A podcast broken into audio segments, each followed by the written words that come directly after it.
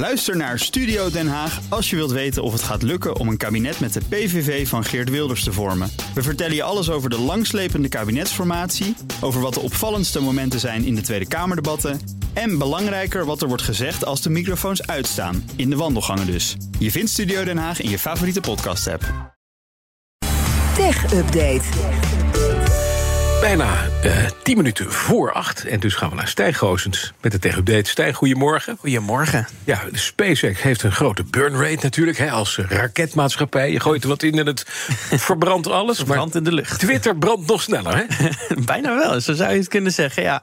Nou ja, tenminste, Twitter is inmiddels nog maar 33% waard... van het uh, bedrag dat Elon er destijds in oktober voor Oh. betaalde. En dat heeft uh, de Amerikaanse financiële dienstverlener Fidelity bepaald. Het is niet helemaal duidelijk hoe Fidelity precies op die waardering komt. Maar een flinke verrassing is het niet. Want in november schaalde Fidelity de waarde al terug naar 44% van het aankoopbedrag. En dat was toen een maand nadat Musk het kocht voor 44 miljard dollar. Ja. Nou, reken maar uit hoeveel dat dan nu nog waard is. 15. 15, ja. Ja, zoiets. Nou, Is niet veel. Nee, dat is- Minder dan 15 zelfs. Ja. Ja, Elon Musk heeft zelf ook al toegegeven dat hij te veel betaalde voor Twitter destijds. Sinds de aankoop heeft eh, Twitter financieel natuurlijk zwaar, zodat, eh, doordat bijvoorbeeld gebruikers en adverteerders het platform hebben verlaten. Eh, hij hoopt zelf nog break-even te draaien dit jaar qua omzet. Eh, vooral doordat hij veel personeel ontslagen heeft. En natuurlijk ook omdat hij gebruikers laat betalen als ze een blauw vinkje willen. En eh, als je nou dacht dat Musk hierdoor ook minder fortuin had, dan had je het mis. De waarde van Musk groeide eh, met 48 miljard dit jaar. Vooral doordat Tesla eh, flink gegroeid is in aandelen. En daar is hij natuurlijk ook de eigenaar van. En op dit moment is Musk trouwens op bezoek in China. voor het eerst sinds drie jaar. Hij heeft nog geen publieke interviews gegeven. Dus daar is nog Ja. weinig te over te zeggen. Behalve dat hij bijvoorbeeld een Tesla-fabriek gaat bezoeken daar. Dat is precies En, daar. Hij is voor Tesla ministers, daar? Ja, en met ministers spreekt. Ja. Eh, maar zijn bezoek is wel opmerkelijk vanwege de spanningen natuurlijk tussen de VS en China. De waarde dus van Musk's vermogen is gegroeid met 48 miljard. Ja. Weet je hoeveel de staatskas, hoe groot de staatskas van Amerika is op dit moment, vlak voordat die dead deal gesloten wordt? Dat ga je me nu vertellen. 38,8 miljard. Nou, dan kan hij misschien nog Die helpen. dus, die hebben dus minder. De Amerikaanse staat heeft dus minder in kas dan de winst van Tesla op zijn vermogen van vorig jaar. Dat is best even iets engs. Dan weet, die weet je dat iedereen in de financiële wereld met samengeknepen billen zit tot het, tot het 5 juni is. Hopen dat hij terugkomt uit China dan. Dus ja, je weet maar nooit. Nog wat meer Twitter-nieuws. Want gebruikers kunnen nu afbeeldingen zelf factchecken. Ja. Dat is fijn, hoeft hij het niet te doen. Nou, precies. Ja. Eh, Twitter die gaat een label tonen onder afbeeldingen met context die gebruikers zelf kunnen toevoegen aan het plaatje. Dat kon al bij tweets sinds oktober vorig jaar. Eh, bij de aankondiging van deze nieuwe functie voor de afbeeldingen noemt Twitter vooral het gebruik van AI-gegenereerde plaatjes. Deze functie is dan eigenlijk ook een week te laat, want toen zorgde een AI-afbeelding nog eh, van een, met een ontploffing van het Pentagon Ja. eh, voor een, een soort schokgolf op de beurs. Die ging ineens onderuit, om dan met dag dat het echt was. En deze label zou dat dus wellicht hebben kunnen voorkomen, dit label. Eh, maar ja, daarvoor is dus wel een scherp oog van gebruikers zelf nodig. Twitter zet dus vooral in op publieke factchecks. Vorige week gaf het bedrijf nog aan zich terug, terug te trekken uit een Europees verdrag voor bestrijding van desinformatie.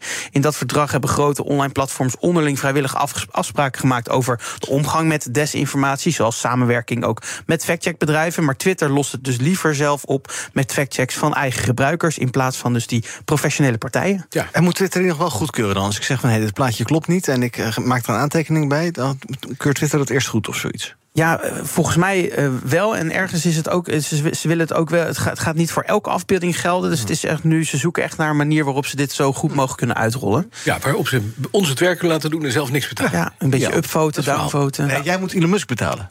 Om zijn werk te mogen doen. Aardig.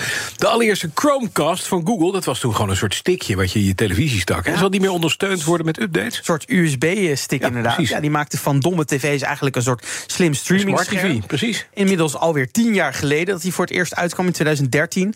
Toen werd hij verkocht voor zo'n 35 dollar. Gebeurt nu nog steeds trouwens. En hij werd daardoor ook razend populair. Want het is natuurlijk super goedkoop. Ja. En de afgelopen jaren is die Chromecast uitgegroeid tot de standaard voor veel slaapkamer-tv's. Of tv's in studentenhuizen. Terwijl de meeste meeste nieuwe tv's toch vaak wel streaming hebben ingebouwd.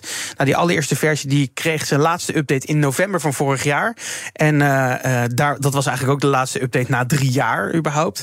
En nu heeft Google dus aangegeven dat het na tien jaar genoeg is.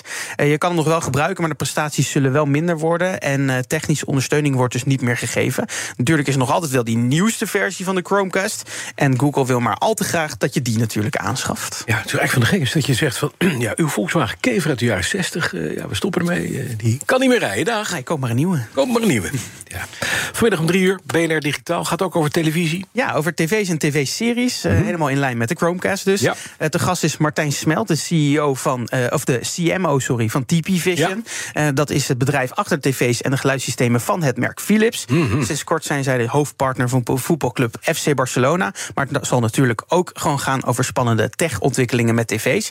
En het gaat dus over tv-series, namelijk de tv-serie Succession. Met tech-ondernemer Sanne Kanis en serie-recensent van de NRC Thijs Schrik. Kijken Joe en Ben terug op de impact van die tv-serie. Want met vier seizoenen was die eerste serie toch behoorlijk succes voor de, voor de streamingdienst HBO Max.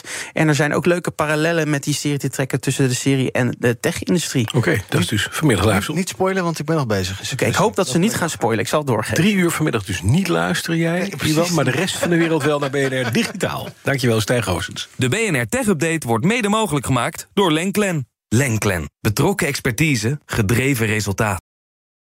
Ook Liesbeth Staats vind je in de BNR-app. Ja, heel handig. Luister live naar Kees en mij tijdens de Daily Move. Dan blijf je ook gelijk op de hoogte van breaking news en het laatste zakelijke nieuws. En daar vind je ook alle BNR-podcasts, waaronder de Perestrooikast. Download nu de gratis BNR-app en blijf scherp.